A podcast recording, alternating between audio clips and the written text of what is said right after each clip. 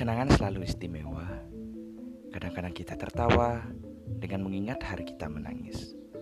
Dan kita menangis karena mengingat hari saat kita poya-poya dan tertawa. Itulah hidup.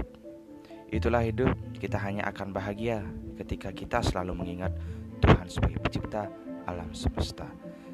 Kali ini saya Ikadek Jodi Artawan akan menerangkan bahwa kisah